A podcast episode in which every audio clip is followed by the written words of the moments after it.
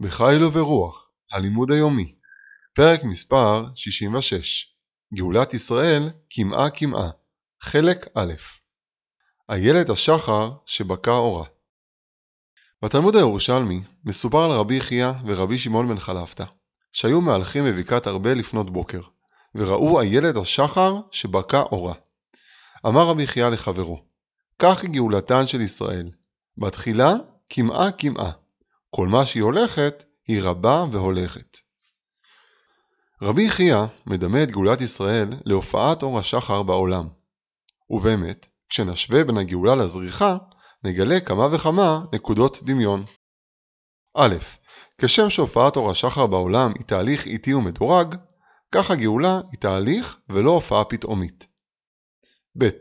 כשם שבתחילת הופעת אור השחר בעולם, כשרק עולה עמוד השחר, עדיין אין מבחינים כולם באור העולה, אלא רק מאוחר יותר מתברר לכל שכבר החל היום, כך בשלבי הראשונים של הגאולה, אין כולם מבחינים בתהליכי הגאולה, אלא רק לאחר מכן מתברר לכל שתהליך הגאולה כבר החל.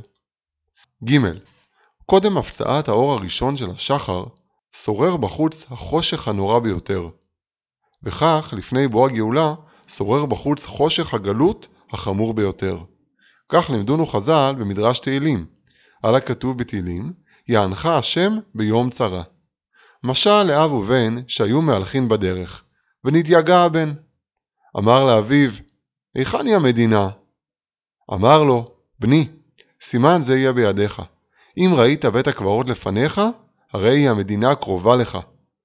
כך אמר להם הקדוש ברוך הוא לישראל, אם ראיתם הצרות שתחפו אתכם, באותה שעה אתם נגאלים.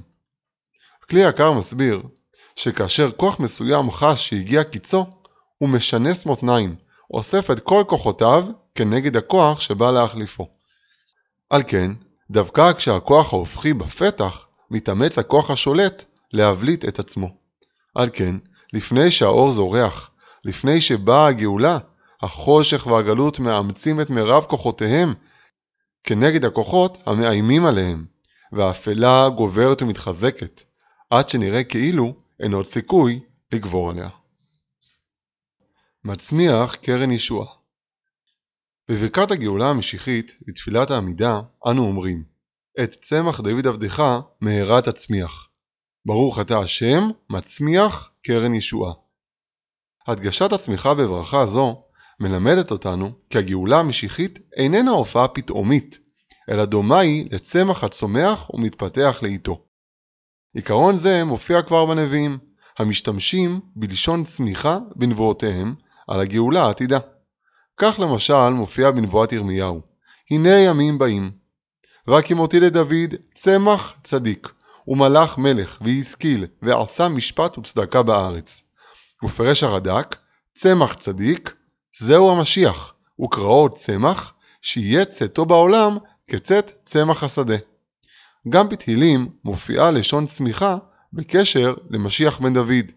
שם אצמיח קרן לדוד, ערכתי נר למשיחי. כמו באיילת השחר, גם בצמיחה מופיעים שלושת היסודות שלמדנו מדברי רבי חייא. א', הצמיחה היא תהליך איטי. ב', בתחילת תהליך הצמיחה אדם מביט בפני הקרקע ואינו רואה דבר, ורק לאחר שהצמח נובט, מתברר שתהליך הצמיחה החל כבר קודם לכן. ג. הצמיחה החדשה מתחילה רק לאחר הריקבון של הזרע. בהשוואת הגאולה המשיחית לצמיחה, מלמדים אותנו אנשי כנסת הגדולה, אורחי התפילה, כי על פי שלושת היסודות הללו יש לבחון את תהליך גאולתנו.